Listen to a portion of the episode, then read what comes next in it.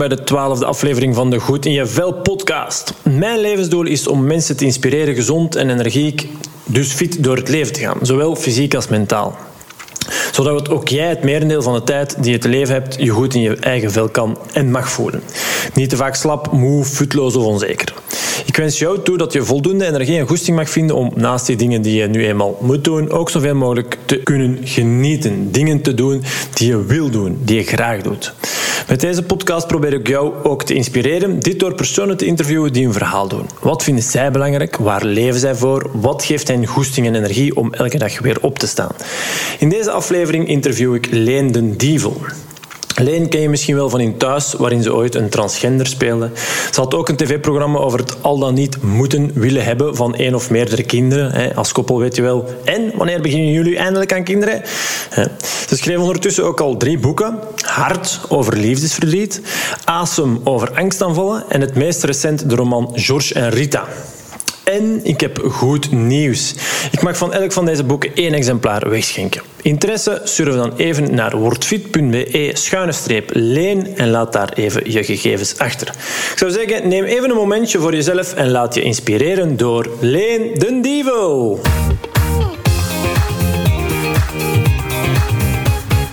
Leen, allereerst bedankt om even tijd voor mij. Zeer graag gedaan. Ehm, even vooruitspoelen om te kunnen terugkijken. Stel, jij ligt op je sterfbed. Hopelijk mag je nog lang wegblijven op het moment. Welke dingen wil jij dan vooral herinneren? De liefde die ik heb gekregen. Ehm, de dingen die ik heb achtergelaten. Uh, en de, ja, de mooie momenten, maar dat zijn kleine momenten. Ik hou van kleine dingen. Samen aan een tafel zitten met mijn familie, de vrienden, uh, het studentenleven die ik heb gehad. Uh, kleine dingen. Maar ook grootste dingen die ik toch op een of andere manier heb willen achterlaten of zo. Oké. En liefde? Allerhande liefde. Zo weer mogelijk. Zo, maar nee, allerhande waarmee ik wil zeggen van mijn poezen, van mijn hond ooit, van mijn moeder, mijn grootouders, uh, mijn broers, mijn man, mijn vrienden. Allerhande. Het komt van overal. Ja. En uh, is het dan vriendschap, liefde? Ah, ja, want, hè, nou, dat is een dunne lijn, ik weet niet. Nee, dat is geen dunne lijn, dat is totaal iets anders. Ik ben geen vriend met mijn man, dat is echt liefde. En ik voel wel liefde voor mijn vrienden, maar dat zijn mijn vrienden. Ja. Dat is echt anders. En familie ook, dat is, dat is anders. Okay. Het, is, het is alles soorten. Maar, maar als je zo zegt van... Wat wil u herinneren als je op je sterfbed ligt? Eigenlijk is het dat niet. Ik wil op dat moment gewoon in het nu zijn. Wat ik ook zal zijn. En dat herinneren is eigenlijk... Ik hoop dat mensen dingen van mij herinneren. Dat is eigenlijk wat ik liever zou hebben. Dan dat ik zou denken, oh weet je nog? Nee, daar ben ik op dat moment waarschijnlijk niet mee bezig. Nee, oké. Mooi. Ik uh, zal straks zeker nog even uh, verder, uh, verder op ingaan. Mm -hmm. voor de mensen die, ja, die jou niet zouden kennen. Die misschien, dat kan? Nee, dat kan zeker. Ehm, ik zeg altijd, beste die onder de steen geleefd hebben de afgelopen jaren. En Leen ah, En toch, en toch. Nee, inderdaad. het zou perfect kunnen. Maar goed, wie is Leen Lieven? Dievel is de West-Vlaamse. Die ook bijna 40 jaar is. Uh, ik ben een actrice. Ik ben ondertussen ook schrijfster. En ik ben afgestudeerd als assistent, assistente in de psychologie. Uh, ik praktiseer dat niet, maar in mijn boeken een beetje wel. Uh, ik ben iemand die vrijheid nodig heeft en ruimte. Dat is mijn voornaamste ding eigenlijk wat mij typeert. Vrijheid en ruimte. Belangrijkste goed. Ja, zeker. Ja, ja daar leef ik in. Oké, en, en een West-Vlaamse? Dat verrast me eigenlijk. Ja, is ja. waar? Ja, uh, ja. Oh, ik kan ook zo klappen dat je dat wel. Dan hoort het ook. Ja, ik ben van Kortrijk. Oké. Ja. Ja, nee, maar een ras echte West-Vlaamse, hè? Ja, wel. Maar, ja, ja. Nee, ja, het spreekt toch wel heel mooi. Uh... Ja, ik, ik, toen ik in Leuven studeerde, nam ik het Leuven zo over. Nu in Antwerpen pak ik het Antwerps accent een klein beetje over. Ik ben heel gevoelig voor dialecten. Maar ik kan wel heel goed dialecten. Dat gebruik ik vaak als ik theater speel. Ja. En, uh, en als mijn moeder belt, ja. of mijn broers, dan schakel ik over. Hè. Of, ik heb, of er zit een West-Vlaming bij, dan Als jij West-Vlaming was geweest, zat er zeker een accent in. Omdat dan kan ik dat niet tegenhouden. Oké. Uh, mooi, ja. Uh, ze zeggen wel eens, de West-Vlamingen zijn harde werkers. Dat is zo. Dat is echt zo. En ik ga daar niet bescheiden in zijn. Ik ben ook echt een zeer harde werker. Oké. Uh, en wat is voor jou hard werken? Is doordoen. Doordoen. Als je aan iets begint, iets afmaken. Uh, als je voor iets staat, ervoor gaan.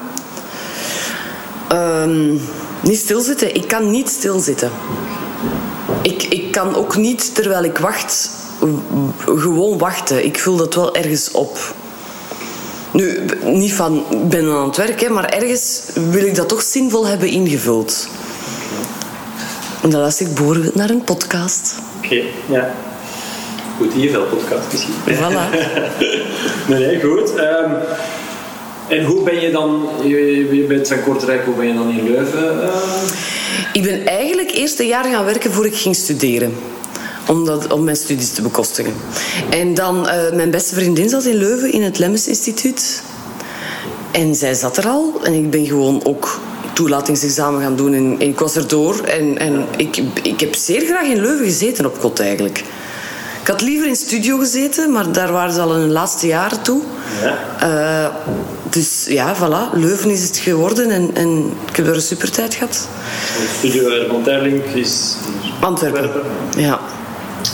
En dus, uh, ja, ik kan maar, alleen, ik heb ook in Leuven goed gezeten, ik kan alleen maar aan. Ja, en weet je, ik kan ook nooit daar gaan wonen. Voor mij is dat mijn studentenstad. Dus ik ben zeer blij dat het niet Antwerpen is geweest. Anders had ik hier niet kunnen wonen misschien. Okay. ja. begrijp ik wel een beetje. Ja. ja. En je woont dus nu in Antwerpen, zit er ook in Antwerpen nu. En, en alles is in Antwerpen, zalig. Ja, en... ja. Ja, dat is, mijn, dat, is mijn, dat is waar ik woon en waar ik wil blijven wonen, waar ik ook wil sterven. Ja. Dat is Antwerpen. Ik, ik, ik fiets hier door de stad en ik denk, oh, tof toch, hè? Ja, ik vind dat zeer leuk. Het bruist hier, het, er is hier van alles te doen, alles is dichtbij. Je zit ook zo wat in het centrum. Want in mijn, in mijn, hoofd, dat is heel raar, hè, maar soms in mijn hoofd ligt Antwerpen waar Brussel ligt. Zo in, gewoon in het centrum van het land. Omdat het zo bereikbaar is naar alles. Ja, ja oké. Ja, ja. En uh, je mist nooit, je, je, ouders wonen nog in Kortrijk? Uh, ja, ja, ja, ja, ja, die wonen nog uh, in Kortrijkse. Hè. Ja. allee, mijn, mijn mama, mijn, mijn vader is overleden al een paar jaar. Maar ehm, ik, ik, ik ga er voldoende naartoe. Voldoende. Van zodra ik kan, ga ik met de auto er naartoe en, en dan, dan spendeer ik daar heel de dag. En is dat dan toch... Uh, ja, thuiskomen ook. Toch ook wel thuiskomen. Ook, op een andere manier. Dat is nostalgie. Dat is... Ik, ik zou daar in principe zo precies een tweede verblijf willen. Mijn grootouders hun, hun huis werd verkocht. En ik dacht, oh, had ik nu de centen, dan, dan kocht ik het gewoon als buitenverblijf. Dan had ik dat en dan... Omdat ik, ik ben nogal nostalgisch. Zeer. Ik kan echt zo door als ik in West-Vlaanderen ben, ook, dan, dan begin ik rijden door, door baantjes. Dat ik denk, ah ja, ik ga hier eens langs gaan. Want vroeger dat en dat en dat. Oké. Ja. ja. ja, ja. Dus, dus terug naar het toch, want je zei daar straks van als je, als je op je sterfbed ligt, uh, in het nu zijn dan op dat Zeer, moment. Ja, dan wel, absoluut. Maar ik probeer dat ook echt te zijn in het nu. Maar ik kan zo in periodes een nostalgische bui hebben. Dan, dan kijk ik terug naar Dawson's Creek bijvoorbeeld. of uh, of dan, dan kan ik zo bladeren door, door mijn foto's van vroeger en zo. Maar dat, dat is leuk, dat is tof. Dat kun zo, dan reflecteerde ook een beetje. Van wie was ik toen en wie ben ik nu en wat heb ik daarvan overgehouden en, en wat is er eigenlijk weggegaan wat ik niet zo leuk vind. Ik wil dat terug. Um, want situaties veranderen u ook. Hè? Uh, en ja, dan kun je echt eens goed reflecteren van... Nee, eigenlijk in die periode... Dat wil ik terug zijn. Dat soort uh, staat van zijn of zo. En, en jij neemt daar echt bewust je tijd voor om te gaan reflecteren? Of is dat... Ja? Oh ja, ja, ja. Te veel soms. Ik ben een denker. Ja. ja. En ik reflecteer. Ik denk altijd van, oh, wacht eens, maar wat heb ik gedaan? Of, of wat heb ik gezegd? Of hoe heb ik gereageerd? Maar wie ben ik nu? En waarom voel ik me zo? Waarom gedraag ik me zo? Ik probeer dat wel te doen, omdat dat, dat maakt ook een schonere wereld, denk ik. En, en als iedereen dat zou doen, dan, dan uh, even eerst in eigen boezem kijken. Uh, daar zeker iets in. Ja, maar als ik dan ook gewoon uh, terecht vind dat er, uh, dat er iets niet aan mij ligt of dat ik niet, dan ben ik daar ook keihard in hoor. Terecht, ja, oké. Okay. Um, dus het bruisen van, van Antwerpen, maar dan het iets rustiger rond Kortuig, allee, kort. Ja, dus op, op een bepaald moment in mijn leven zal dat wel nog zo zijn dat ik ergens naar de rand van Antwerpen verhuis naar iets wat mij dorpser lijkt, ja. dat ik de twee kan combineren. Dat ja. voel ik wel. Ja? Ja, ik wil een thuis. Allee, zo echt een geëvolueerd, hè? dat zulde jij ook wel hebben. Dat je voelt van, ah, je wilt in stad zijn om, om direct weg te kunnen gaan en, en af te spreken en, en de, het levendige te voelen. Maar hoe ouder je wordt, hoe meer je... Je hebt die periode wel gehad. En ik wil meer... Um, ik wil meer thuis kunnen zijn in die zin dat ik daar mijn vrienden wil ontvangen. Dat ik daar een grote tafel wil en Thanksgiving wil organiseren, snap je? Of, of, of thuis wil komen en de kerstboom wil kunnen zetten echt gewoon poortje dicht. This is my home. En niet zozeer meer zoals als ik zeg tien jaar geleden leefde ik meer buiten dan in mijn appartement. Ja. En dat evolueert en dat is ook wel leuk. Ja. ja. En wonen, wonen jullie nu nog altijd op een appartement? Of nee, nee, nee, in een huis. In een huis. Maar, maar ik zeg het, we evolueren wel naar een iets rustigere buurt. Ja, ja, ja. Dus iets groter, iets rustiger. Ja, voilà. Wat meer ruimte, licht en rustiger. Ja. Maar wel dichtbij dat ik nog altijd met de fiets naar Antwerpen kan. Want dat vind ik wel heel belangrijk. Ik wil echt met de fiets naar dus ook als je later, nu, zeker nu woon je echt nog wel centrum Nee, centrum, ik kon ook ergens aan de rand, maar niet, uh, niet zodanig ver. Nee, nee, maar het mag nog, nog iets afgelegener zijn, iets groter. Ja, ik zou bijvoorbeeld het niet erg vinden om, om in Contig te wonen. Ik kan ook echt met de fiets op straten, gewoon. Mm. Dan rijden we wel een half uur, drie kwartier, maar dat maakt niet uit. Dat is goed voor het lijf. Lijf en leden. Lijf en leden. Zeker, inderdaad. Um, je zegt, hey, ik ben uh, in avondschool nog assistent psychologie. ik ben assistent in de psychologie. Mm -hmm. in, uh, ja, toegepaste psychologie moeten we nu eigenlijk ja, zeggen. Ja, maar ja, bon. Ja. ja. dus uh, je, je, hebt toegepaste psychologie gestudeerd. Je hebt, dat, ik weet het niet, misschien was het voor het interview, aangegeven dat je dat in avondschool hebt gedaan. Ja. Um, ja, je geeft aan, ik doe daar wel een beetje mee in mijn boeken, maar, maar waarom heb je dan toch ooit die eigenlijk Plan B. Dat is iets West-Vlaams, denk ik. Als het ooit stopt, weten van ja, maar ja, we moeten toch blijven kunnen werken. En ik heb altijd uh, de beslissing gemaakt van toen ik klein was: van ik zal nooit opstaan tegen mijn goesting. Dat wil zeggen dat je een job moet uitoefenen die je zeer graag doet. Mm-hmm. En. Uh, en ik dacht, ja, oké, als acteren nooit stopt, want zo realistisch ben ik wel, want dat kan. Ik word ouder, uh, de, de, de, de, tijden zijn ook anders. Het draait, dan is er rond talent en dan is er rond populariteit en dan is er rond schoonheid, maar dan is er rond karakter. En je weet het niet, je weet het niet wanneer dat uw tijd gepasseerd is als actrice. En, uh, of ik moet ineens in de karken zitten. En dan, uh, dat kan ook. Maar bon, ik wou iets achter de hand hebben. En dan dacht ik van, wat interesseert mij? Wat zou ik willen doen? En het ging eerder naar wat interesseert mij. En ik had al een pedagogisch diploma gehad, dus ik mag al lesgeven. Maar ik wou geen toneelles geven. Ik, ik, ik, ik, ja, kinderen zijn niet aan mij besteed om les aan te geven. Volwassenen wel. Dus ik dacht, weet je wat, ik ga psychologie doen. En als ik dan moet lesgeven, dan kan ik in avondonderwijs lesgeven aan volwassenen. Lijkt mij zeer interessant. Uh, ik heb dat dan gedaan. Ik heb er vijf jaar over gedaan in plaats van drie. Want het was in avondschool en je moest echt drie vierde van de tijd aanwezig zijn. En ik was nog aan het spelen, theater aan het spelen en aan het draven. Van alles door elkaar aan het doen. Dus ik heb er wel langer over gedaan. Uh, en dan is het eigenlijk zo geëvolueerd dat mijn scriptie mijn eerste boek hard is geworden. En voilà, zo is de bal aan het rollen gegaan. En dan denk ik, ah, maar ja, maar dat zijn zo'n dingen dat ik... Ik hoef niet per se les te geven daarin. De, de, de, de wereld van de psychologie is zo immens breed. En ik heb wel wat ideeën voor als het ooit zover komt, om daar dan toch iets mee te doen op mijn eigen manier. Ja. En dus inderdaad, misschien niet gaan lesgeven aan volwassenen, maar... Ga lesgeven zeer graag hoor, maar het onderwijssysteem staat mij niet zo echt aan. Snap ik. Ja. ja. ja toch nog... Uh, ja, het is, het is, er zijn nogal heel veel regeltjes en uh, paparasserij. En als goede lesgever moeten kunnen lesgeven met passie. Ja. En niet denken aan, is mijn stam en eindwer, uh, eindtermen wel goed ja. vermeld voor als de inspectie komt. Of, ik wil kunnen klappen met mijn leerlingen. Ja, als ze iets aanbieden dat ik denk, kom, we gooien dat hier op cijfers en we gaan eens een heel lesuur kunnen. En daar is eigenlijk weinig ruimte voor. En dat vind ik niet zo leuk niet meer. Nee, maar ja, je geeft ook aan dat je, dat je vrijheid en ruimte, dat dat gewoon iets is. That's who I am. Dat is echt waar, ja. En dat is in alles zo. In vriendschap, uh, niemand moet mij claimen. Mijn familie niet, mijn man niet, mijn vrienden niet. Uh, ik ben wie ik ben, ik ben alleen.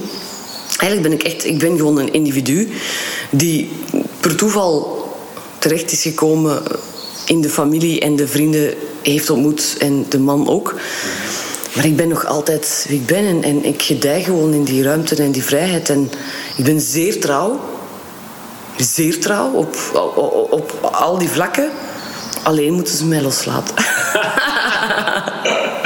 Zo herkenbaar. Ja. ja. Want ik, zeg, ik, ik geef dat heel vaak mee aan mijn cliënten van... Zie, jij bent verantwoordelijk voor uw eigen geluk. Hè? Ik bedoel, at the end staat er, staat er alleen willen daarvoor of niet, maar je staat er alleen voor. absoluut. ja, dus absoluut. Niemand zijn geluk mag afhangen van u. Nee, je moet je eigen geluk maken. En, en, en dat is ook iets dat ik mij wel goed voor ogen hou. En, en, en, en, en een, een, een ehm, onderwerp die ik wel aankaart vaak met mijn man. En dat hij soms, hij is zo ontzettend lief, dat hij zegt van ik ben gelukkig als jij gelukkig bent. En ik zeg nee, die een druk mocht aan mij niet geven. Ik zeg jij moet gelukkig zijn op jezelf. Want als ik wegval, dan zul jij wel echt moeten kunnen... Ik weet bijvoorbeeld, ik zou figuurlijk sterven als, ik, als mijn man zou wegvallen. Maar ik weet wel, van binnen, ik ben ooit gelukkig geweest alleen, dat ik wel kan proberen dat terug te zijn, omdat het misschien wel zal lukken dan op een andere manier. Ja, je kunt niet, je geluk kan niet afhangen van een ander, want dan stopt je leven ook. Ja, denk ik ook. En ik snap, als je 90 bent, dat dat wel... Dat dat kan. Dat, dat, dat, dat, dat, je dan nog weinig zin hebt om, om nog ergens gelukkig te zijn. Uh, alhoewel dat mijn grootmoeder dat bijvoorbeeld wel heeft gekund, die paar jaar nog. Dus uh, dat is ook iets om naar op te kijken. Maar uh, nee, nee, het echt, echt het hangt echt af van jezelf. En, en als je voelt, ik zeg dat voor het in vriendschap ook, hè, als je voelt dat je tijd wilt maken, je voelt dat aan iemand. Je hebt bijvoorbeeld ook mensen die zeggen van kijk, we gaan afspreken en je voelt, wij gaan nooit afspreken. Dat is gedaan. Dat is een vriendschap die voor even is geweest. En dat was leuk in die periode, maar, maar en, en, en ik... Tof, maar nee, ik voel van, dat gaat precies niet meer gebeuren. Nee. Maar je voelt wel... Ik heb bijvoorbeeld nog twee vriendinnen in Kortrijk. En, uh, nee, twee vriendinnen en nog een beste vriendin echt ook. Ehm, en ja, elke keer als wij afspreken, dat is als vanouds. En, en, en dat is bij die andere twee vriendinnen zelfs misschien twee keer in een jaar of zoiets. Maar die claimen niet van, ja, maar je zijn korter, je komt niet af. Nee, als ik kan, dan kom ik af.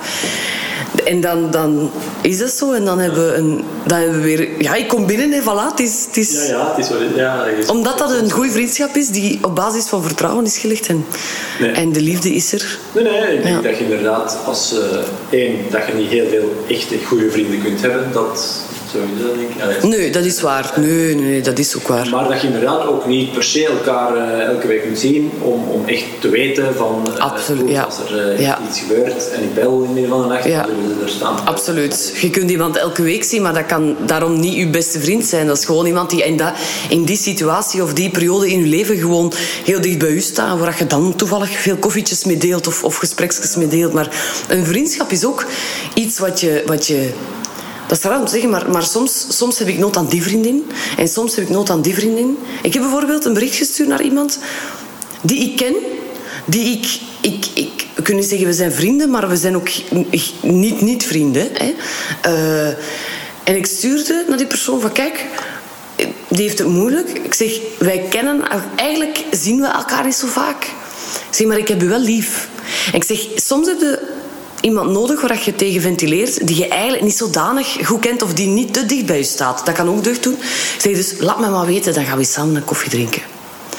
En omdat dat ook zo is. Soms wilde iets ventileren tegen iemand dat je eigenlijk totaal niet kent. Of dat je zo misschien een man aan een toog of een, een, een, vriend dat je denkt dat je, dat je al lang niet meer hebt gezien, maar dat je denkt, oh ja, je bent nog eens in de stad. En, en ineens flanst het hele leven eruit, omdat er iets uit moet die achteraf niet meer wordt terug opgerakeld of zo ook. In, in, op café of, of tussen... Ja. misschien op... Ja, Soms is dat dan, op dat moment is dat dan veiliger. Terwijl als er echt iets is of je wilt zo wat, wat, wat, wat aftoetsen of zoiets, dan gaat je misschien die vriendin gaan bellen of die maat gaan bellen. Of, of je hebt iets nood aan een uitstapje met die. Ja, dat is, dat is een... Uh, ja, Bijvoorbeeld, Geron is, is, De Wolf is ook in uw podcast geweest. Dat is een van mijn beste vrienden. Maar we zien elkaar niet elke dag. Wij horen elkaar ook niet elke dag. Maar als wij iets voor elkaar kunnen betekenen, dan bellen we elkaar en dan zijn we er. Wanneer het moet. En dat weten wij gewoon. Dat is, dat is gewoon hoe dat is. En af en toe zeg je eens van... Hey, of de wil een, boef, een koffie ben in de stad. Of... Uh, hey, hoe is het? Moest aan u denken? Of... Hey, ik zie u graag, hè. Dat. Dat is genoeg. Ja, tuurlijk. Ja. Als je er maar voor elkaar bent. Dus het kan op allerlei manieren. We moeten ons niet vastpinnen op... Dat is net zoals... En dat zeg ik ook in mijn boek, George en Rita, mijn laatste boek. Dat zijn zo wat levenswijsheden die ik toch ergens wou meegeven.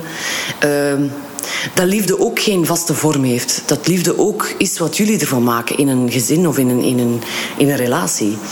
Als, als ik bijvoorbeeld vertel van... Ja, maar ik ga heel vaak ergens alleen naartoe. Udo, mijn man, is graag thuis. En, en soms is die niet graag mee ergens. Tenzij dat wij dat van elkaar verlangen of zo. Maar wij kunnen echt tegen elkaar zeggen: nee, maar doe maar alleen. En ja, dat is hoe dat wij zijn. En wij geven elkaar de vrijheid. Er is ook ongelooflijk veel vertrouwen. Um, en voor de rest zijn wij ook wel heel vaak samen. Maar zo andere koppels zeggen bijvoorbeeld van... Leon, ja, dat je dat nu alleen doet. En, allee, dus jij zei... Ik ben bijvoorbeeld na mijn, mijn, uh, na mijn avontuur bij Dancing with the Stars... Dat was heel heftig. Ben ik vlak daarna, de dag daarna, s ochtends, vertrokken naar Tenerife. Met een maat. En mensen Sommige mensen fronsten zo, maar met een maat. En hij was echt ervan. ik zei, ja, maar ik ga gewoon op reis om te ontspannen. Ik heb een vriend mee en Udo kon niet mee, dus voilà. Ik ben zelfs op huwelijksreis alleen gegaan en Udo is twee dagen nagekomen. Ja, er was geen tijd.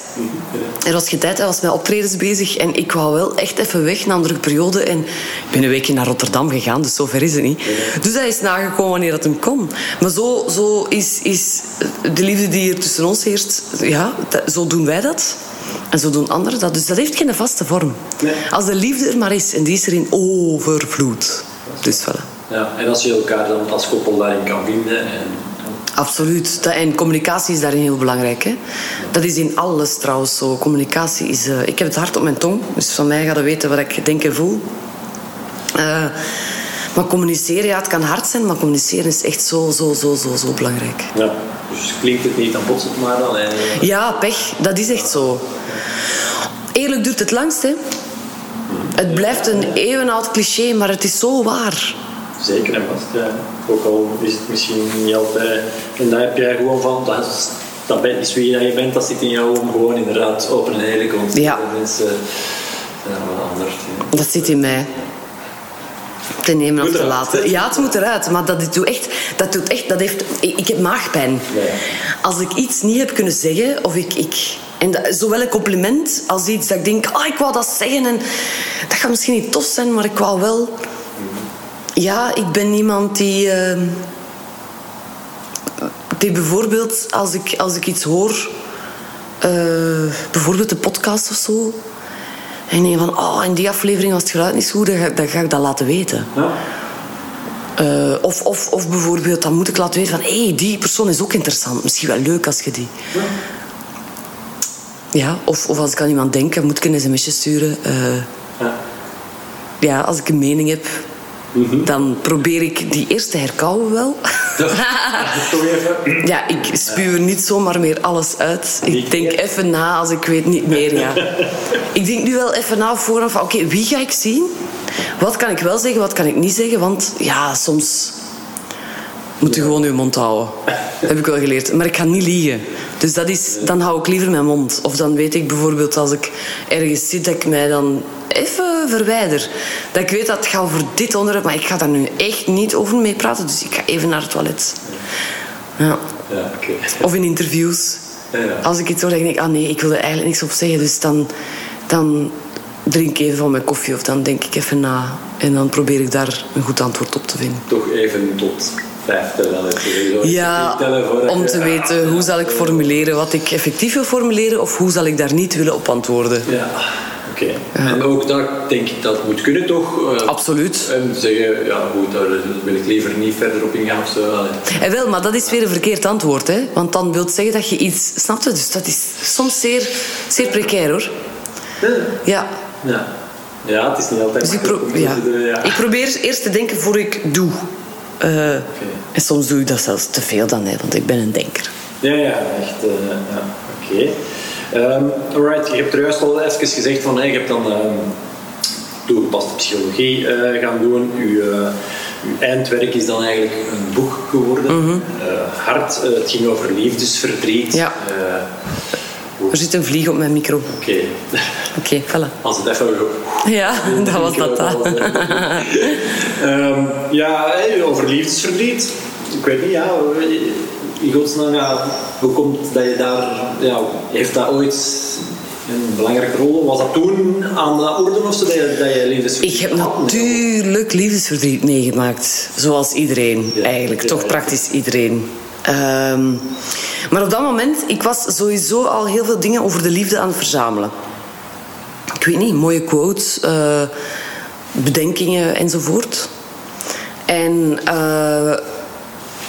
op op het moment dat ik mijn scriptie moest schrijven, wist ik van, ah, maar ik ga mijn tijd hier niet verschijten aan iets dat ik dan geschreven heb en dat ik dan weggooi. Of dat ik dat niet interessant vind. Of dat dan al duizend keer is gezegd geweest. Dus ik wou ook wel mijn tijd zinvol gebruiken. En dacht, ja, de liefde, hè. Liefdesverdriet. Ik heb het zeker meegemaakt. Iedereen allee, uh, weet wel ongeveer wat het is. En uh, mijn onderzoeksvraag was, kan je sterven aan een gebroken hart? Omdat het effectief, ik las dan ook een, eh, ook een, een artikel over twee mensen die een dag van elkaar verschil gestorven zijn. Een koppel. En ik dacht, ja, maar kan het wel? Het is heel romantisch. Het klinkt heel romantisch. Dus dat wil ik onderzoeken. Dus ik ben met getuigen gaan praten die liefdesverdriet hebben gehad. Omdat dat heel individueel is. En dat ik wel vond dat, dat je wel ergens iets moest invinden elke keer. Uh, hechting is heel belangrijk. Omdat je op een bepaalde manier hecht aan je zorgende figuren. Namelijk uw ouders, pleegouders, adoptieouders, uh, grootouders. Maakt niet uit wie, wie er u opvoedt. En dan... Uh, gaat u ook zo gaan hechten in uw relatie. En als die relatie dan verbreekt, hoe je daarmee omgaat, heeft daar ook heel veel mee te maken. Wat de invloed heeft op je lijf. Wat de invloed heeft op je denken, op je mentale staat van zijn. En op je hart. Uh, het is effectief een trauma en het, het, kruipt, uh, het kruipt toch uh, in je hart. ze vergelijken het zelfs met soldaten die de oorlog hebben meegemaakt. Uh, dus het is niet te onderschatten. En dat wou ik eigenlijk vooral aangeven. Dat wij nogal de neiging hebben om dat gauw onder tafel te vegen. En zeggen na een maand van, zijn we daar nu nog over bezig? Het is al een maand geleden. Allee, hij, betere. Ja, ander en betere. Plenty sea. En och, bla bla bla bla. Terwijl het is wel zeer belangrijk, want je gaat wel naar je, naar je job. Je werkt in een fabriek misschien of je zit aan een bureau. Maar je kunt je wel niet concentreren als je liefdesverdriet hebt. En je maakt misschien fouten.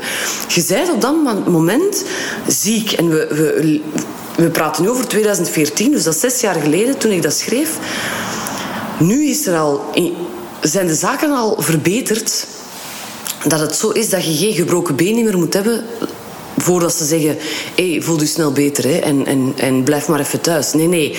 De mentale gezondheid is ook al belangrijk. Onder de mensen. Nog niet uh, in de politiek, want daar moet nog heel veel aan gedaan worden. De psycholoog zou al wat minder... Allee, het, allee, het zal wat beter terugbetaald moeten worden. Er zou wel meer geld naar de mentale gezondheid, naar voor jongeren ook, want daar begint heel veel uh, moeten gaan. Uh, maar dat wordt zo onderschat. En bijvoorbeeld bij jongeren ook, daar heerst heel veel liefdesverdriet. Er kwam een man naar mij bij een signeersessie en, is, en ik moest met een boek tekenen. In memoriam Tom. Ah, en ik dacht, fuck. En ik had niet veel tijd.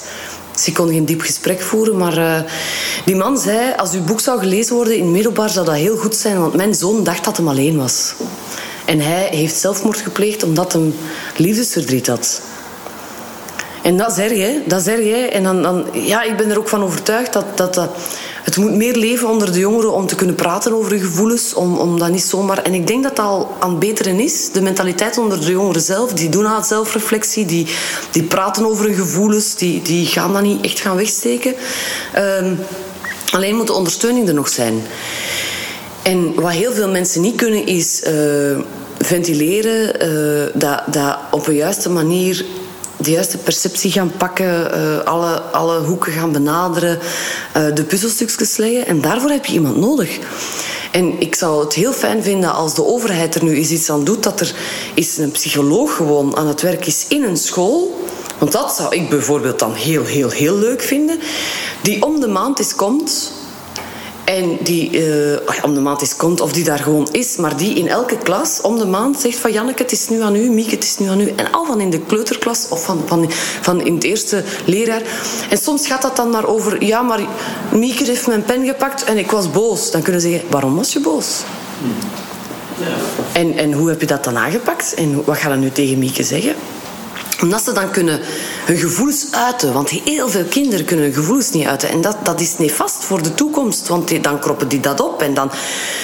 Wat gebeurt er dan wel? Mensen gaan drinken. Mensen al als, want iedereen komt in een situatie in hun leven. Wij bouwen allemaal een rugzakje op. En het is beter dat je al van jongs af leert van dat rugzakje op tijd en stond leeg te maken. Of hulp te vragen om dat samen met u leeg te maken. En te doen inzien wat er erg is. Dat in, in, in in uh, prioriteiten stellen, keuzes maken. Wat is er allemaal belangrijk? Ik bedoel, nu zijn er heel veel jongeren bijvoorbeeld ook die moeten veranderen van school of van het lager naar het middelbaar die daar heel zenuwachtig over zijn, maar vooral van het middelbaar naar het hoger. Wat moet ik doen? Moet ik een sabbatjaar nemen? Moet ik op reis gaan? Moet ik werken? Moet ik, wat moet ik studeren? Mag ik dat wel studeren? Want dat kan ik niet meer veranderen. Jawel. Jawel, je kunt wel veranderen. En die mentale ondersteuning is er niet. En dat zou ik nu wel zeer graag doen omdat ik vind dat de jongeren zijn onze toekomst. En, en eh, je kunt zoveel voorkomen. Zoveel mentale problemen die zich ook zetten op je lijf. Ik heb het zelf meegemaakt. Hè. Ik had paniekaanvallen. Mijn, mentaal, mijn mentale staat van zijn was niet oké hoor. Uh, en mijn lijf helemaal niet. Ik voel het nog, hè, als ik, ik voel dan nog dat nazinderen. Dat dat, als ik in stresssituaties zit of als ik, als ik als ik ja, even druk heb of te weinig slaap of weet ik veel wat, of te veel denk, voel ik dan nog maar aan mijn kaken. Dat, die, dat ik denk, wow jong, wow, die staan echt zo weer vast en dat is dan betand. En, oh. Dus dat is, ja, het moet van jongs af aan beginnen. En, en liefdesverdriet, hè, want daar waren we begonnen, is zo een van die zaken. Je geeft je hart aan iemand en of dat je nu zes bent, of zestig, of veertig, of dertig. Het gevoel is hetzelfde. Alleen in, in, in, in proportie, weet je, als je ouder bent, heb je al een huis gedeeld, heb je al samengewoond, heb je misschien kinderen, ben je al jaren samen geweest. Maar de intensiteit van dat verdriet is niet anders. Dus schuif dat ook niet onder tafel. Het is heel belangrijk, want mensen denken effectief dat ze alleen zijn. En ik heb ook in mijn boek geplaatst, in hart geplaatst, van wat zijn, hoe kan je dan sterven aan een gebroken hart? Er is passiemoord.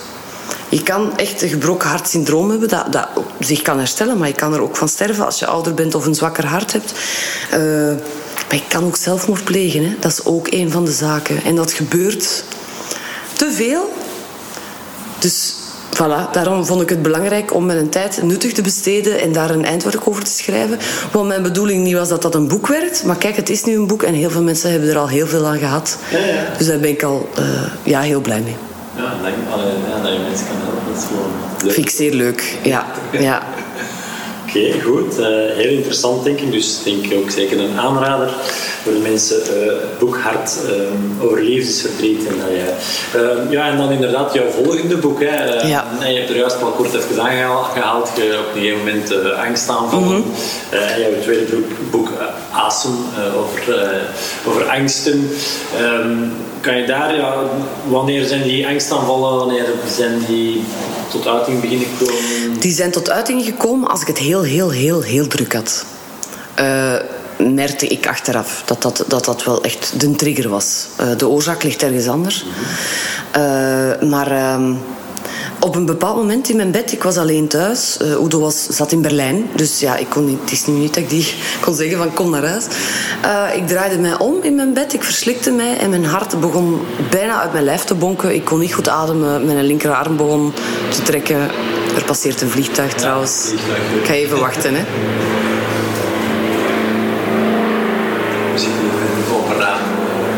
Voor de corona. Uh, om de coronamaatregelen een beetje. Hè. De circulatie is belangrijk.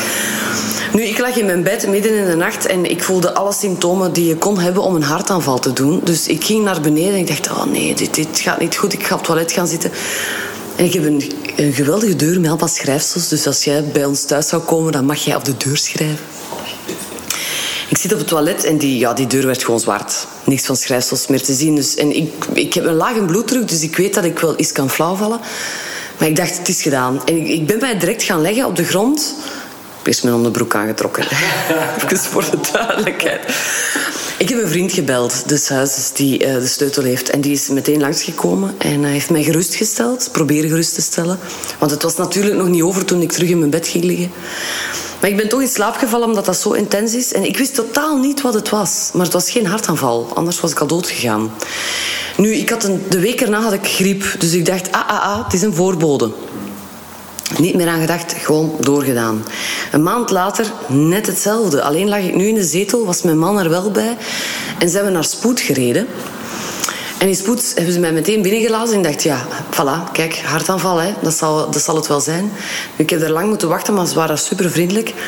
Ze hebben allerlei testen met mij gedaan en ze zeiden tegen mij hyperventilatie. En ik dacht, dat is raar, ik ben een, ben een actrice, ik kan wel echt goed ademen hoor. Uh, hè.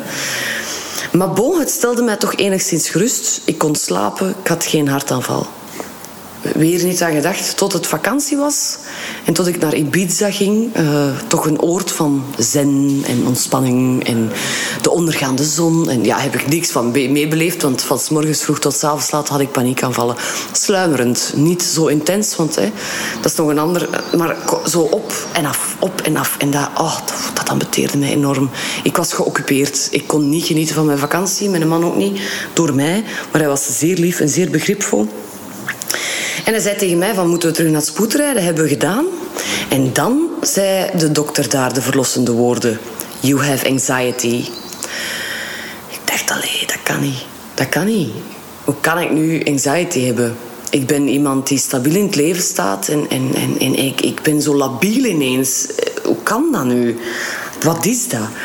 Dus ik, ik ben ik heb wel nog genoten van mijn drie laatste dagen congé daar. Hè. En dan begon de mallenmolen weer van het werk enzovoort. Um, ja, en dan kwamen die af en toe eens op, die paniekaanvallen. En toen ben ik beginnen nadenken en denk oké, ik ga van alles beginnen lezen. Want, want als er iets is, is dat... Ik, ik merkte van, ik ben mezelf niet meer. En dat gaat niet gebeuren. Ik moet daar iets aan doen. Dus ik ga erover lezen en ik wil weten wat dit is. Ik begon van alles op te schrijven. En uh, op een bepaald moment was ik dat meer en meer aan het vertellen aan mensen. Van kijk, als ik wat raar doe, als ik mij wat terugtrek, dat kan zijn, dat is omdat ik paniekaanvallen heb. Ik weet niet wat het is. Of, of ik zeg, ik ben me aan het lezen, inlezen daarover. En, en heel veel mensen zeiden, ik ook. Ik heb dat ook gehad. Ik denk dat ik dat ook, ook heb gehad. Oh, een vriendin van mij heeft dat. Mijn moeder heeft dat ook. En, en Hart was daar, mijn eerste boek. Dus de deur eigenlijk naar de uitgeverij stond open. Dus ik dacht, ik moet dat opschrijven voor iedereen. Dus elke vraag die ik had, heb ik proberen op te lossen. Uh, en breder denkend ook van wat willen de mensen weten. Bijvoorbeeld als ik dan in mijn boek denk over de symptomen. Niet elk symptoom is voor iedereen hetzelfde. Ik heb bijvoorbeeld geen maagpijn. Ik denk niet dat ik ga overgeven. Uh, ik ben niet zozeer misselijk. Wat ik wel heb is een trekkende linkerarm. Uh, bonkend hart. Ik kan niet goed ademen. ja, zindering, alsof dat je je, twee vingers in de, in de prie steekt. Zo. Dat. Maar anderen hebben hoofdpijn, nekpijn, uh, van alles. Dus die, die symptomen bijvoorbeeld heb ik heel vet gezet. Ik denk van de mensen kunnen direct zien van wat zijn mijn symptomen en dan kunnen ze zien, maar wat is het juist? En Allee, ik, ik, ga nu niet heel mijn boek uit de doeken doen. Als mensen geïnteresseerd zijn, moeten ze maar lezen. Maar het is eigenlijk uw lichaam dat heel gezond is. En die dat dan op dat moment de vlucht, vecht uh, of freeze uh, reactie heeft van er is gevaar. ho, ho, ho, er is iets waar je moet aan denken. Wat heb je allemaal meegemaakt? Wat is er allemaal gebeurd? Zijn er dingen nog niet verwerkt? Je hoofd zit zo vol dat je lichaam het gaat uiten dat je dat even moet gaan leegmaken. En bij mij was dat effectief zo. Ik... Uh, ik had een heel drukke agenda, dus ik had geen me-time meer. En als er nu iets is wat ik dan over heb gereflecteerd, is dat ik dacht van ja, maar ik, had dat vroeger wel. Dus dan kon ik wel een feestje aan, of dan kon ik wel een drukke bedoeling aan, of een drukke week. Of ik had me-time, ik had slaap. Uh, het was meer in evenwicht. En dat evenwicht was er niet meer. Dus uh, hoe kwam dat? En dat heb ik ook ontdekt toen ik mijn, mijn boek schreef, is dat ik hoogsensitief ben. Ik wist dat niet. Uh, en mensen zeggen, ja, maar dat is een trend en al. Nee, dat is geen trend, dat is iets... Mensen zitten zo in elkaar. Maar dat komt nu meer tot uiting, omdat de maatschappij gewoon drukker en drukker en er zijn meer prikkels. En vroeger waren er niet zoveel prikkels. Dus we moeten zorgen... Wij, wij ineens denken we van, oeh, wacht, ik kan dat allemaal niet aan. Dus dan zijn we, daar zijn wij gewoon gevoeliger voor. En dus moet je voor jezelf eigenlijk gaan uitmaken... Waar ga ik dat evenwicht gaan zoeken? Ik was bijvoorbeeld automatisch al iemand als ik jong was die van achteraan in de klas ging zitten. En die niet echt participeerde, maar die wel. Ik was mee, ik schreef alles op. Ik was een zeer goede student. Uh, allee, zeer... Uh, zeer. Niet qua punten en zo, ik was middelmatig. Uh, maar ik was wel echt zeer... Ik was mee aan het doen. Maar zo geen vinger opsteken. Ik droomde echt graag ook buiten. Of ik, ja, ik was graag op mijn eigen. En ik ben dat nog altijd. Ik ben graag onder de mensen, maar als ik voldoende onder mijn eigen ben geweest. Je kunt maar zo je kunt maar helpen als je 100% opgeladen bent. Dat is met een, met een batterij ook. Je moet die tot 100% opladen. Want als je je gsm maar even insteekt voor 10 minuten, dan is ze binnen 5 minuten weer plat. En dan kun je niet om hulp bellen als er iemand op straat ligt uh, te creperen, bijvoorbeeld.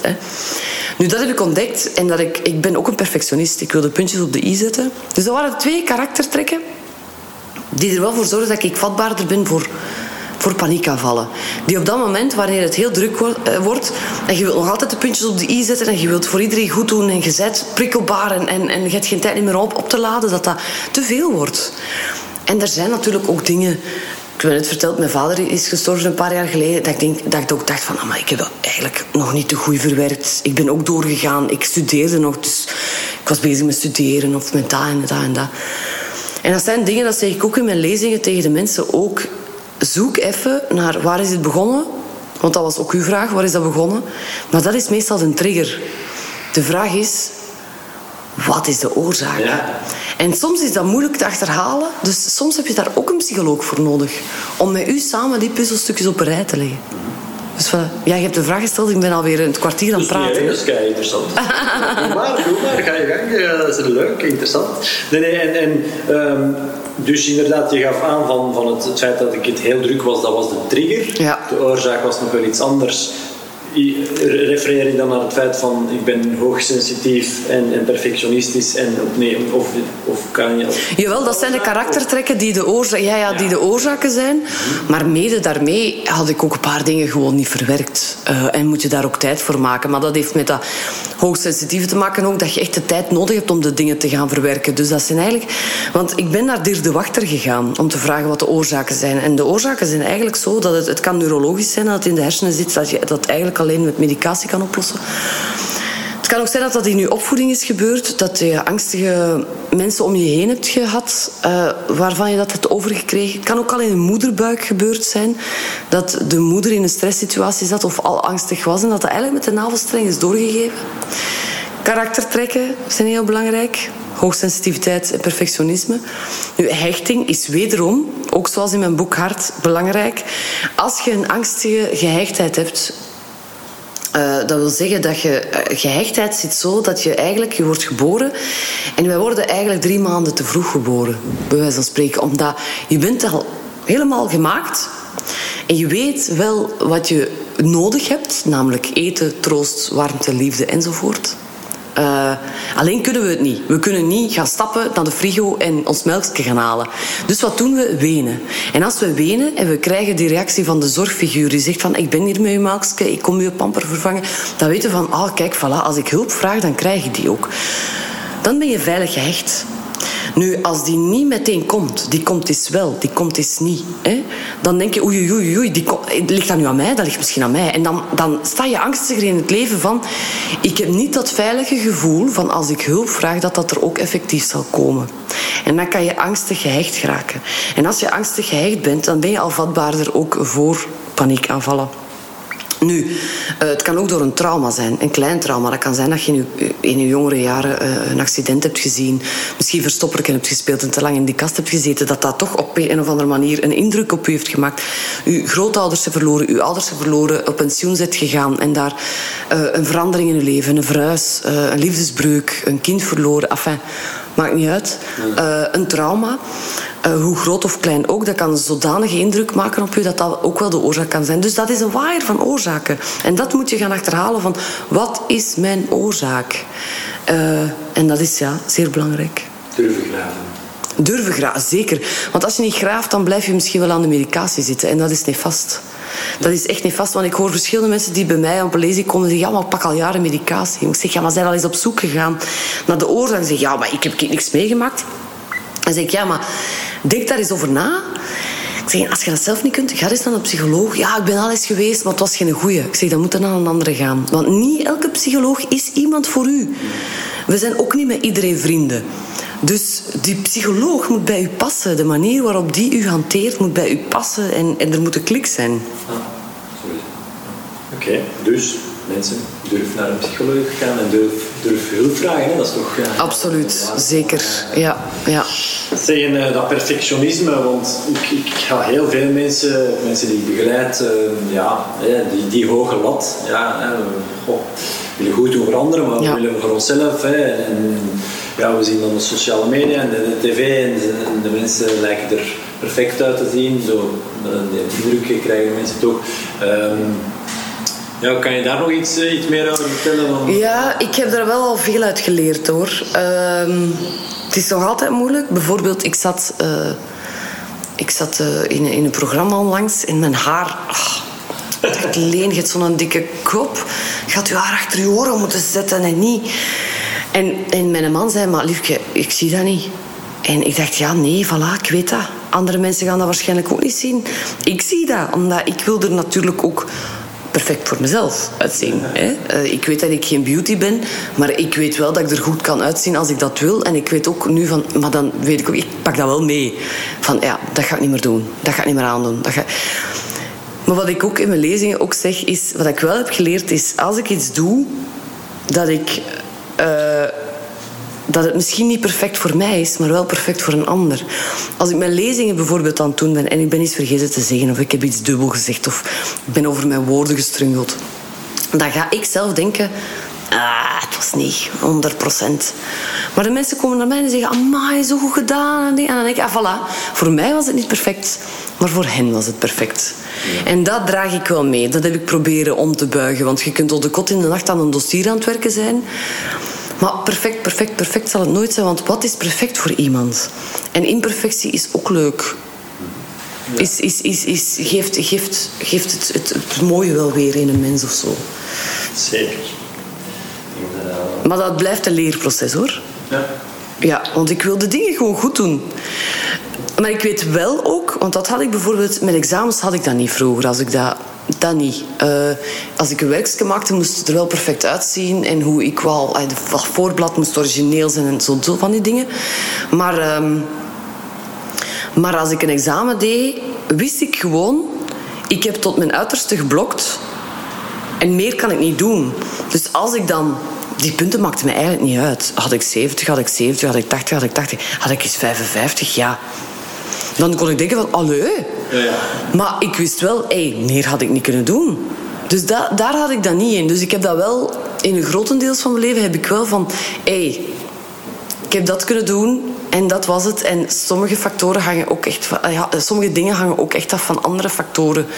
Stelde met een auditie, als ik auditie ga doen, weet ik dat er zoveel afhangt van de medespeler, de smaak, de stijl, de serie, de grootte, de, de, alles. En dan denk ik van, ik kan alleen maar mijn uiterste best doen. Het is erger als je naar huis gaat van iets en dan je denkt van, ik had nog meer mijn best kunnen doen en dat heb ik nu niet gedaan. Nee, nee, doe altijd uw uiterste best. En als het dan wat minder loopt, hé, hey, ik heb niet meer kunnen doen. Hè. Nee, nee, dat is waar. Dus ja. Zeg, en uh, uw twee eerste boeken, Hart en Asem, waar we het net even over gehad hebben, um, ja, dat is totaal anders. Want nu, hè, je hebt er straks kort even aangehaald, George en Rita. Uh, je hebt ja. een, roman geschreven, mm -hmm. uh, terwijl die eerste twee ja, duidelijk geen roman Nee, nee, dat is waar. um, hoe komt daar, ja, goh, stijlbreuk, uh, want het gaat toch, eh, de, voor alle duidelijkheid, George en Rita gaat over euthanasie. Ja. En, um, dus toch ook wel een, een, interessant thema om over na te denken en mm -hmm. te staan. En, maar het feit dat het ineens een roman is geworden... Ik wou dat ooit wel eens proberen. En ik ga mij nooit kunnen beklagen op mijn sterfbed dat ik iets niet heb geprobeerd. Want zo ben ik wel. Ja.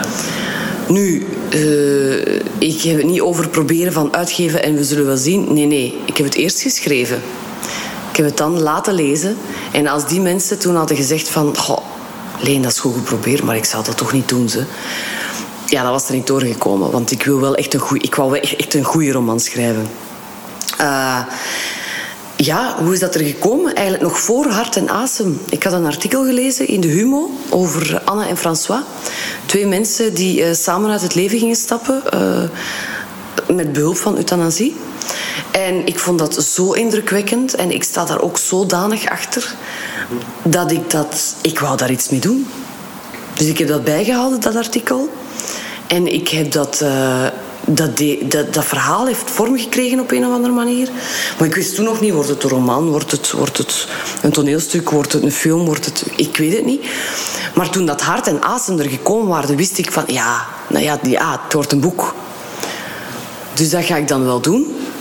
Um, en hij heeft zes jaar de tijd nodig gehad om een verhaal uh, te worden zoals het nu is om uh, die Anne en François eigenlijk opzij te laten en, en dat George en Rita te laten zijn. Die uh, kinderen te laten hebben, kleinkinderen. En, en gezegd van stijlbreuk. Hè? Ja. Want ja, de ene zijn non-fictie, Hart en Asem, en George en Rita is een roman. Maar ik heb wel mijn, mijn stijl. Ik had dat bijvoorbeeld toen dat ik Hart schreef, had ik zoiets van, oh nee, dat was wel iets, ja, dat, dat ging over de liefde, dus dat leunde zich er wel toe. Of leende zich er wel toe om, om, om, om ja, om er op die manier over te schrijven. Want het is niet puur wetenschappelijk. Ik, ik, het is wel wat literair geschreven ook. Maar met Asem is me dat ook gelukt. En ik wist toen wel van, ah ja, maar ik heb wel ergens... Ergens een, is dat mijn eigen pen. En in George en Rita is dat ook wel. Ik, ik, ik, lees die niet anders dan... Ik denk ook de mensen die mijn vorige boeken dan hebben gelezen... zullen wel merken van... Nou ja, dat is Lena schrijfstijl wel. Ja. Dus, allez, ja, het is... Maar het is een roman. Het is, het is mijn romandebuut en ik ben daar zeer trots op. Ja. Um, het is misschien ook wel mijn laatste boek, dat weet je nooit. Uh, omdat dat nog altijd mijn passie is. En ik schrijf niet om de broden, maar omdat ik iets wil vertellen. Omdat ik iets per se eruit moet krijgen onder welke vorm dan ook. Uh, ik had ook een boek kunnen schrijven over kinderwens, maar dat is een programma geworden bijvoorbeeld.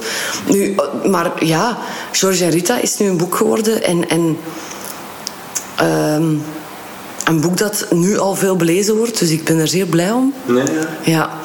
Uh, en het is ook een thema dat zeer hard aan de orde is hè, nu. Het is ook iets waar we moeten over nadenken. Wij worden op de wereld gesmeten en wij kiezen daar zelf niet voor. Het zijn onze ouders die daarvoor kiezen. Het is mijn lijf. Het is mijn denken. Ik mag daar toch over beslissen wanneer het voor, mij klaar is. En ik vind ook dat de openheid er moet zijn als het voor u klaar is. En je bent eigenlijk nog te jong, of, of mensen willen daar het nog even met u over hebben, dat die deur ook moet openstaan voor mensen die eventueel een zelfmoordgedachte hebben. Nu houden ze dat bij zich en ze doen dat maar dan. En dat, ach, dat is zo erg, want één, je kunt geen afscheid nemen, je kunt niet zeggen waarom. Uh, je doet dat op de meest vreedzame manier, want mensen hebben daar misschien trauma's van hoe ze u vinden.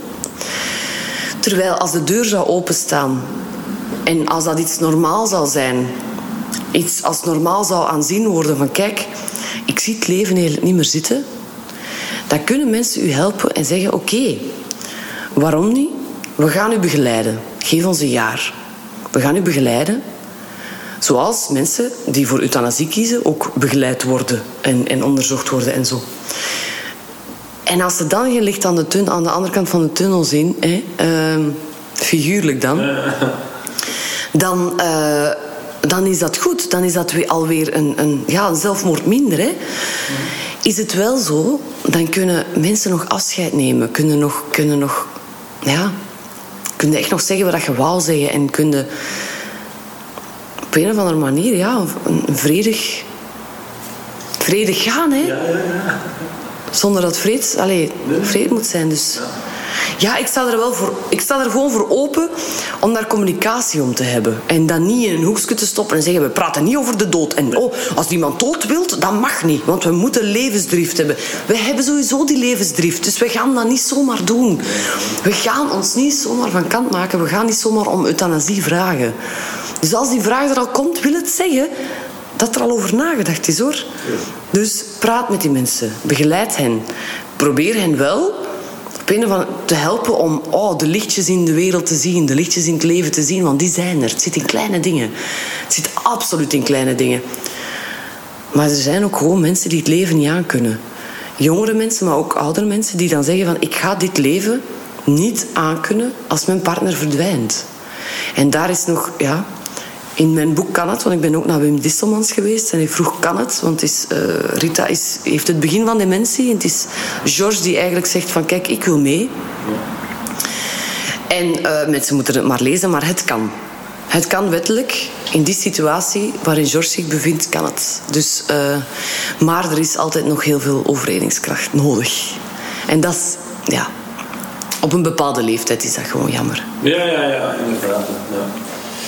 Zeg, en, want je zegt van ik wil, um, ik wil vooral, daar straks bij het begin, van ik wil vooral ook gewoon veel dingen nagelaten hebben en mensen gewoon kunnen zeggen, ja, hè, Leen die heeft veel, veel nagelaten. Je hebt ondertussen al drie boeken. Ja, goed hè. dat heb ik dus al gedaan. Ja, ja. Um, inderdaad ook al een tv-programma over, over kinder, uh, kinderen al dan niet uh, moeten hebben. Mm -hmm. Um, zijn er zo nog dingen die, uh, uh, die je ambieert? Dat je zegt van, of laat je dat meer op je afkomen? En, en uh... Ik laat dat op mij afkomen, ja. Ik laat altijd de ruimte zijn om, om inspiratie te hebben of, of, of, of ja, bijvoorbeeld over die paniekaanvallen. Ik wist ik veel dat ik daar ooit een boek over ging schrijven. Maar het is mij te beurt gevallen dat, klinkt, uh, dat klinkt positief, maar uiteindelijk is het wel zo, want ik heb mezelf veel beter leren kennen. Ik heb ook andere mensen kunnen helpen. Dus er is wel ergens een reden geweest waarom mij dat is overkomen. ik heb daar iets positiefs mee gedaan. Uh, dus ja, ik heb nog een heel leven voor mij. Wie weet wat er mij nog in de, ergens uh, ineens te binnen schiet of, of op mijn schot ineens valt. Dat ik denk, hé, hey, wacht eens. Daar moeten we het even over hebben. Of, um, of dat, wil, dat ei wil ik nog kwijt. Of die mensen wil ik nog helpen, dat kan ook. Ja. Uh, of niet, hè. het kan ook niet. dat ik nu gewoon de rest van mijn leven uh, lekker uh, personages speel en dat kan ook. Ik laat alles eigenlijk... Ik, ik, mijn interesseveld is zo breed. Met ouder worden merk je van... Oh, dat interesseert mij en dat. En daar sta ik voor open. En dat ik alles gewoon laat gebeuren zoals het gebeurt. En ik wil mij vooral amuseren. En... Uh, ja, iets achterlaten. Er zijn voor mensen. Dat, ergens heb ik ook als kind altijd wel die. Als, als ik echt een ambitie had, was het ergens een, een, een platform hebben om dat te kunnen doen. Uh, om iets te kunnen. Uh, acteren is ook zoiets. Hè. Je wilt mensen ontspanning, ontspanning bieden. Een, een, een, eh, de kans bieden om eens wat tranen los te laten. Uh, zijn het tranen van verdriet of zijn het tranen om te lachen? Maakt niet uit. En, en ik amuseer mij ook, want ik geef een personage graag vorm. Ik vertoef graag in een andere wereld. Uh, ja, dus, dus, dus dat, dat kan op allerlei manieren.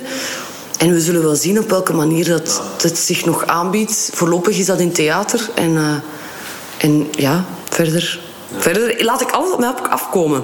Ja. Ik heb dat ook altijd gedaan en ik beslis me met een buik. Er, er, met een buik heeft een eerste idee, dan, dan ga ik dat overdenken. Maar dan uiteindelijk beslist toch altijd met een buik. Ja. ja. Oké. Okay.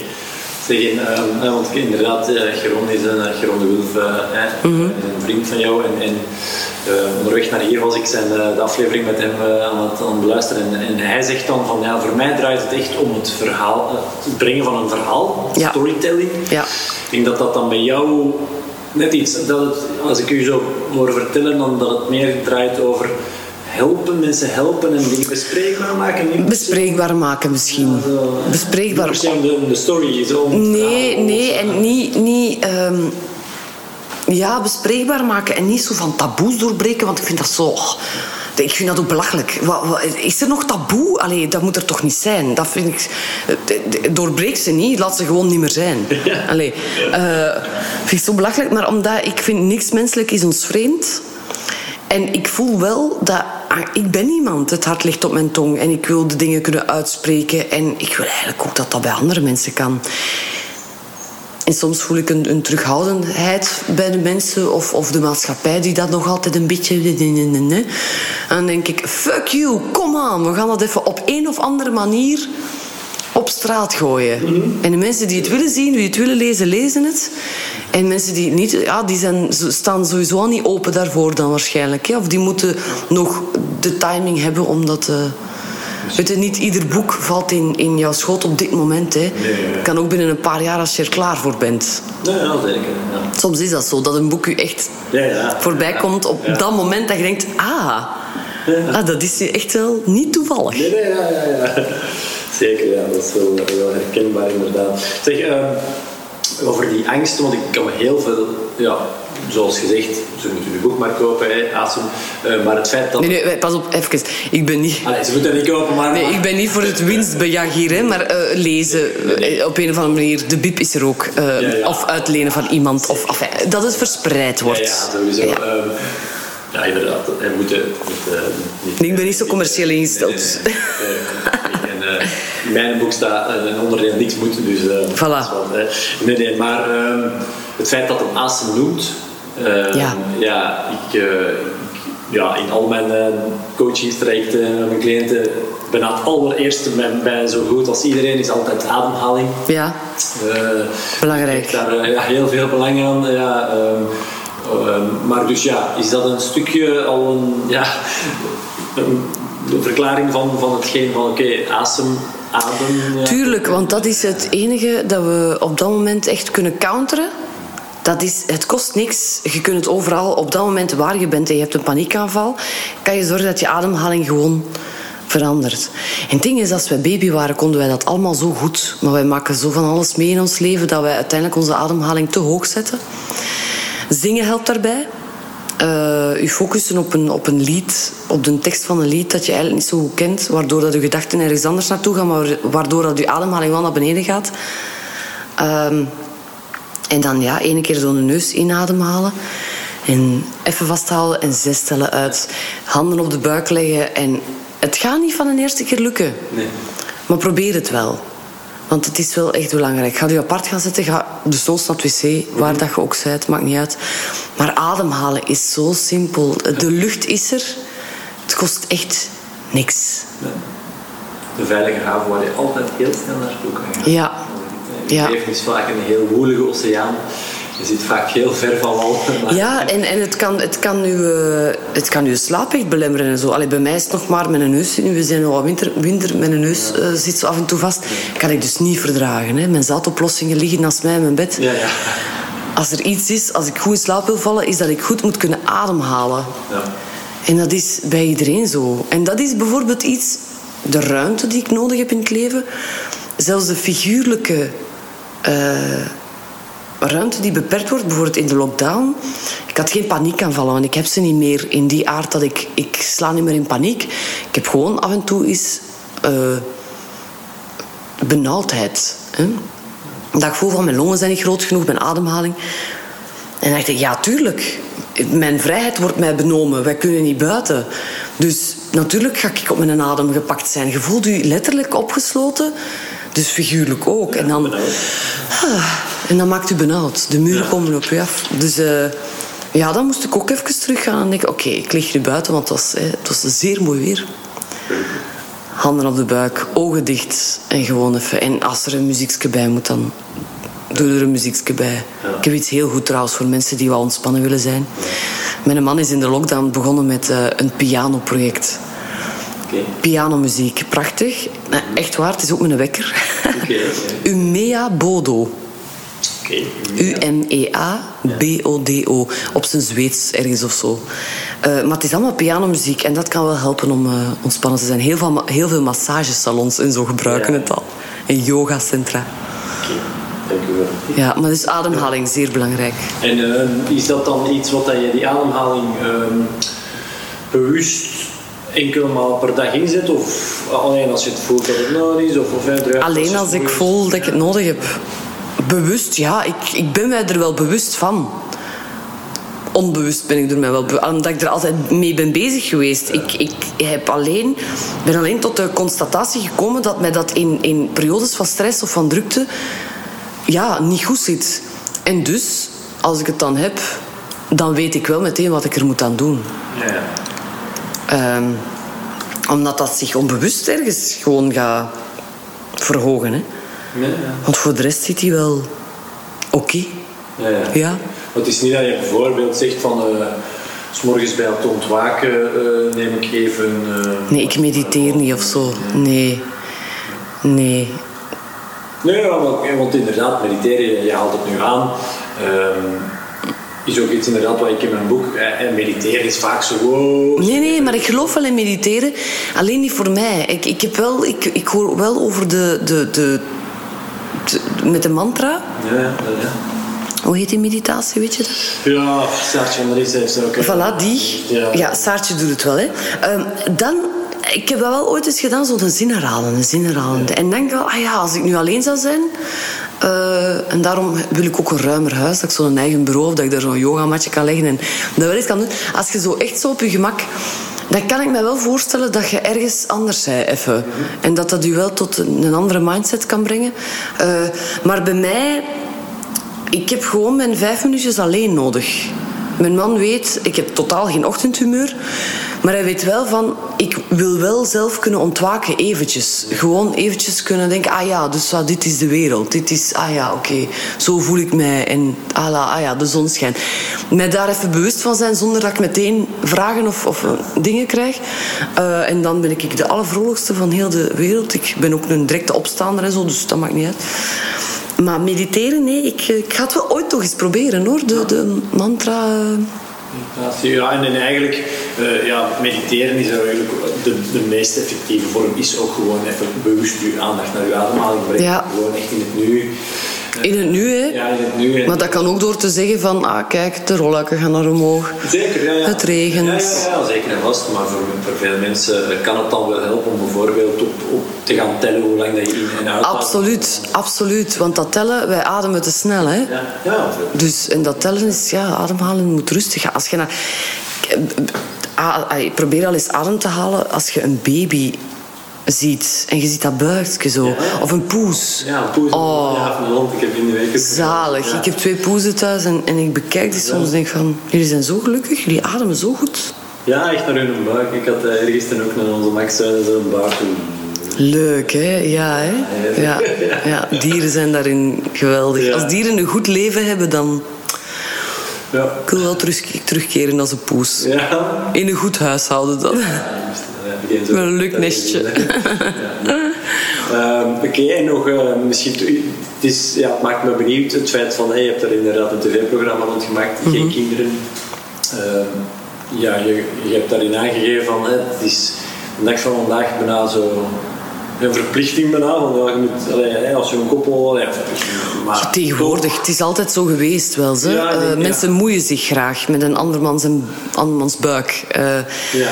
Terwijl het niet nodig is, want sommige mensen zijn al heel lang aan het proberen en, en het lukt niet. Dus als je dan die vraag krijgt, is dat heel pijnlijk. En het is ook zo dat bijvoorbeeld, ik voel het nu niet. Ik laat mijn lijf uh, nog drie jaar doen wat het doet. Voor hetzelfde geld is dat volgend jaar ineens ding, ding, ding, ding, ding, leen. Je moet eraan beginnen. Dan nog zal ik erover nadenken of dat, dat wel een goede keuze zal zijn in mijn leven. Um, maar ik krijg constant de vraag wel. Dus je hebt geen lief. Ze vragen en een lief volgend jaar, hè, met de nieuwjaarswens. En je zet dan een lief en een trouw volgend jaar. En je zet dan getrouwd en kinderen. En dan als er eentje is, dan zeg je en twee. En dan denk je, maar het is een mirakel als er een kind komt. Als er een kind mag komen en als het er komt, moet het nog gezond zijn. Dus... Uh, ik vind dat niet zo evident. Ik, mijn boodschap was vooral: moei er niet mee. Als je de vraag stelt, stel het op een andere manier. Van hoe zie jij kinderen? Of, of, of denk je daar gewoon aan? Um, en, uh, en als ze er niet zijn, zegt dan ook, ja, later dan, als je gaat sterven, eh, dan... eh, ja, dan is het ook zo. Hè. Dan zullen er wel vrienden of familie zijn of andere mensen. eh, geen probleem, we worden alleen geboren. Uiteindelijk doen we ook alleen onze ogen dicht. Ook al staat er twintig man rond ons. eh. maar en, en wat ik ook nog wou eh, meegeven is dat het... eh, Wacht, ik ben nu even een draad kwijt. Nee, dat, dat mensen zich niet moeten moeien. Dus dat ieder zijn... Ah ja, jawel. Eh, dat er ook moet over nagedacht worden. Dat een kind maken geen, eh, geen broek kopen is. Dat je moet nadenken, en dat is iets wat ik bijvoorbeeld doe. Ik ben me er zeer bewust van dat er niet meteen een roze wolk zal zijn. Dat je echt gewoon je leven aan het, even aan het geven bent voor dat kind de eerste jaren. Ehm, dat, die, dat het een huilbaby kan zijn. eh, dat je geld niet, zomaar, niet meer zomaar moet gaan eten. Want die, dat die kleine ook moet aangekleed worden. Dat school geld kost. eh, enzovoort, enzovoort. Ehm, dus denk daar goed over na. Heb ik ben ik financieel oké? Ga ik het alleen doen? Ga ik het samen doen? Heb ik een achterban? Eh, ben ik zelf wel klaar voor een kind? Eh, wil ik er eh, mijn tijd voor opofferen? Wat ik bijvoorbeeld zelf op dit moment echt nog niet wil. Ik wil mijn tijd ergens anders aan besteden. En dan liefde heb ik vooral voor mijn man. dus ook goed. Ehm, maar denk erover na. En als je daar dan goed over hebt ha- nagedacht... hé, hey, maak er elf als je wilt. Maakt mij niet uit.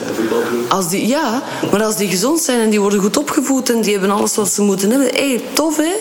Dat compenseert voor de mensen die geen kinderen maken in deze maatschappij. Maar denk er gewoon even over na. En ha, er- ik zeg het, ja, eh, er moet minder bemoeienis zijn. En ook minder kinderen gemaakt worden misschien toch? Dat weet ik niet, want ik maak er bijvoorbeeld geen en andere. Ja, ja. Ik, ja, zoals ik, eh, ik denk soms gewoon, we zijn met veel te veel onze aarde kant. We zijn met veel, we zijn met veel. Eh, en, en, eh, en, en ik vind, allee, ik, ik, ik, ik stel me ook soms de vraag van, wow, amai, hoe doe je dat, jong? Eén, financieel allemaal, wat, allee, hoe doe je dat dan? eh, met zo'n groot gezin. Ik vind, nee, nee als er bij mij, eh, eh, bij mij en Udo eh, kinderen komen, is het één. Allee, of het zou een tweeling moeten zijn. Ja, ja. Dus als, als dan... eh, nee, dan zou ik al... Nee, geen haar op mijn hoofd dat er aan. Ik, ik heb ook geen zin om zwanger te worden. Dat, is, dat is het ook. Als je dat zou kunnen overslaan, dat is ook al iets. Van ja, als mannen er minder last van. Nee, mijn vrouw thuis zit op dit moment wel eh, ja, nog een paar weken te gaan. En- Oh, ze is nog zwanger. Ja, ja, die is- Proficiat. Ja, eh, dus, eh, Hoeveel weken nog? eh, ja, 17 november uitgerekend. Dus Wow. of zo. De verjaardag van mijn neefje. Ja. Goede verjaardag. Ja, ja, wel. Ehm, ja, goed, er is niet veel druk meer aan op deze moment. Hè. Ik bedoel, Ja, bij haar niet, maar bij anderen. Ik was gisteren bij mijn kapper en zijn vrouw is zwanger en die beleefde geweldig. De meest geweldige zwangerschap. En nu ook, die laatste maanden gaan als niks.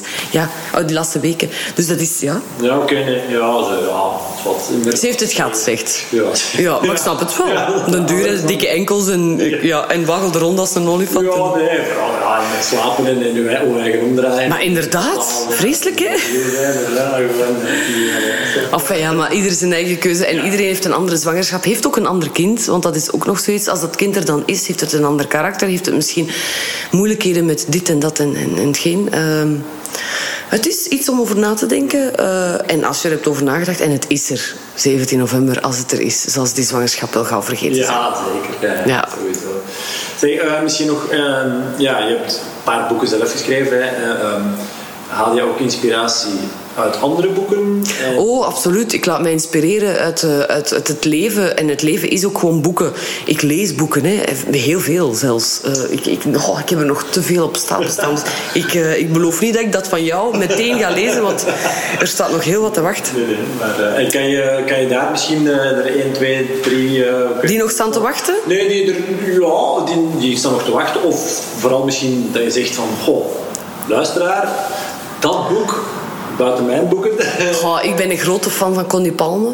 Eh, sowieso Connie dus. Eh, ik ben ook een fan van Ish. Maar ik ga nu even ook de Belgische opnemen. Ja, ja. Ehm, Julian van Fleur Piret is geweldig. Ze is nu aan het tweede boek bezig, vind ik altijd. Dingen- Lara Taverne vind ik dat een heel goede, leuke pen heeft.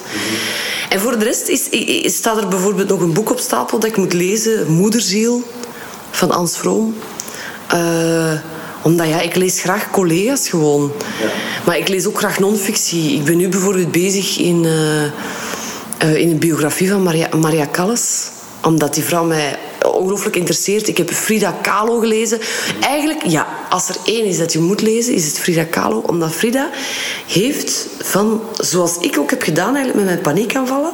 Maar bij haar was het natuurlijk erger. Zij heeft een busaccident meegemaakt, waardoor dat ze eigenlijk heel haar leven heeft gestruggeld met haar lijf, heeft moeten neerliggen, uh, onbeweeglijk was enzovoort. Dus ik heel vroeg gestorven. En ze was getrouwd met een schilder. Uh, nu, ze lag daar ze heeft gewoon zichzelf geschilderd. Ze heeft een spiegel boven haar laten hangen en ze heeft zichzelf geschilderd. En eigenlijk al haar schilderijen zijn zo graaf, zijn zo sterk, zijn, zijn zelfportretten. Maar die vrouw was zodanig sterk en die heeft eigenlijk iets negatief omgebogen in iets positiefs.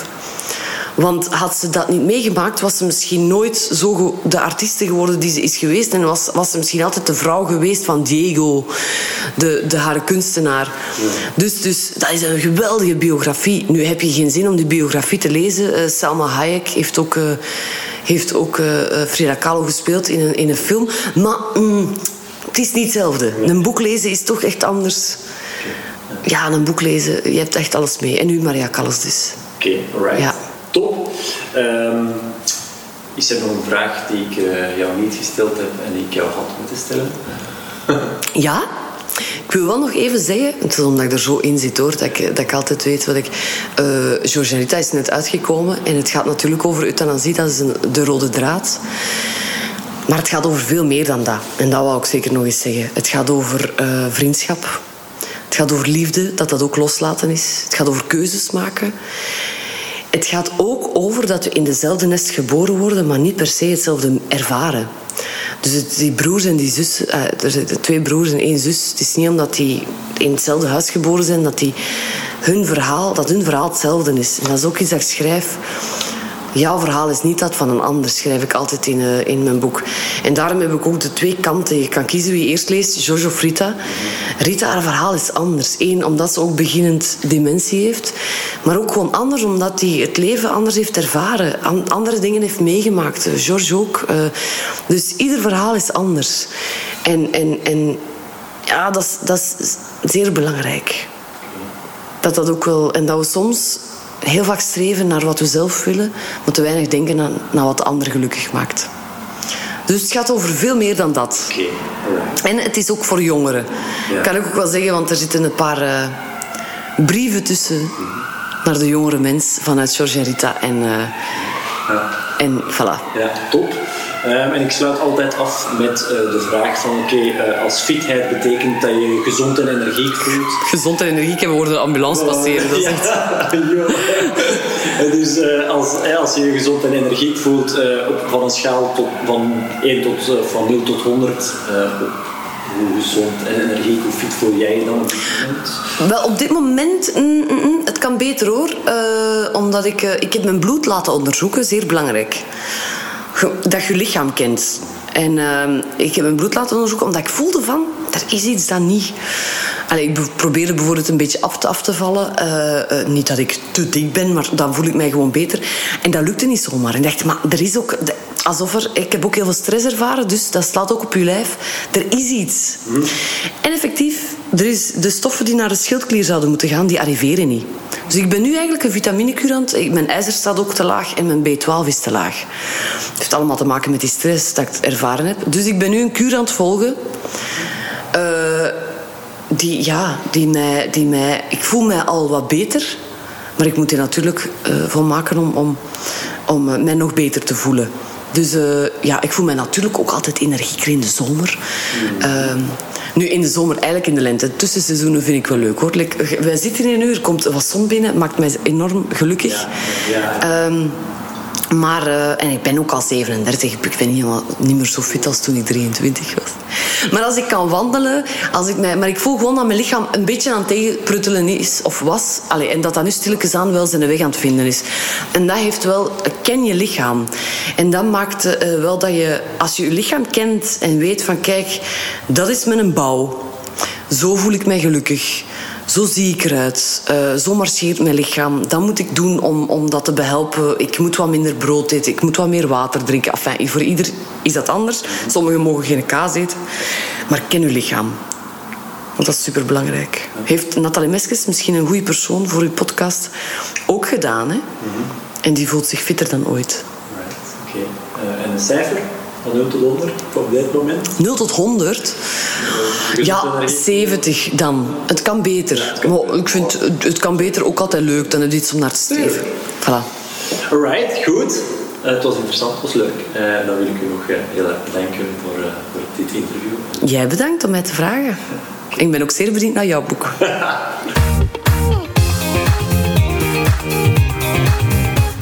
Ziezo, hopelijk heb ook jij weer al inspiratie gehaald uit dit boeiende interview. Zoals al in de intro gezegd, ik mag van Leens boeken telkens een exemplaar wegschenken. Surf hiervoor even naar wordfit.be-leen. En ook mijn boek Fit zonder fitness, de handleiding voor een leven vol goesting en energie, kan je gratis krijgen. Ik zing dit namelijk weg aan de mensen die zich inschrijven voor, voor wat ik de basics noem. De basics zijn dingen waarmee ik elk coachingstraject start. Omdat ik merk dat iedere persoon ermee geholpen is. Wat je doel ook is. Ik heb het over hoe je correct en rustig kan ademen, hoe je correct en neutraal recht staat en zit en hoe je het meest efficiënt je buik- en rugspieren kan verstevigen. Normaal heb ik drie uur nodig om dit uit te leggen. Dat zou je, als je tot hier in de WordFit Studio zou komen, 150 euro kosten. Via, via de online academie die ik creëerde, bied ik dit aan geen 150, maar aan 97 euro aan. Maar als luisteraar van deze podcast krijg jij nu de kans om je te registreren voor slechts 39 euro. Dat is een mooie besparing van liefst 111 euro. En je krijgt dus mijn boek, dat normaal 19,99 euro kost, er nog gratis bij als mooi extraatje. Interesse, uh, surf dan maar even naar wordfit.be-start. In de volgende aflevering van deze Goed in je podcast interview ik Veerle Dobbelaar. Zij was vroeger vooral actief als actrice, maar is ondertussen ook heel wat jaren actief als coach. Ook zij werkt bijvoorbeeld heel veel rond ademhaling. Ik kan je het nu al zeggen, weer een heel interessant interview.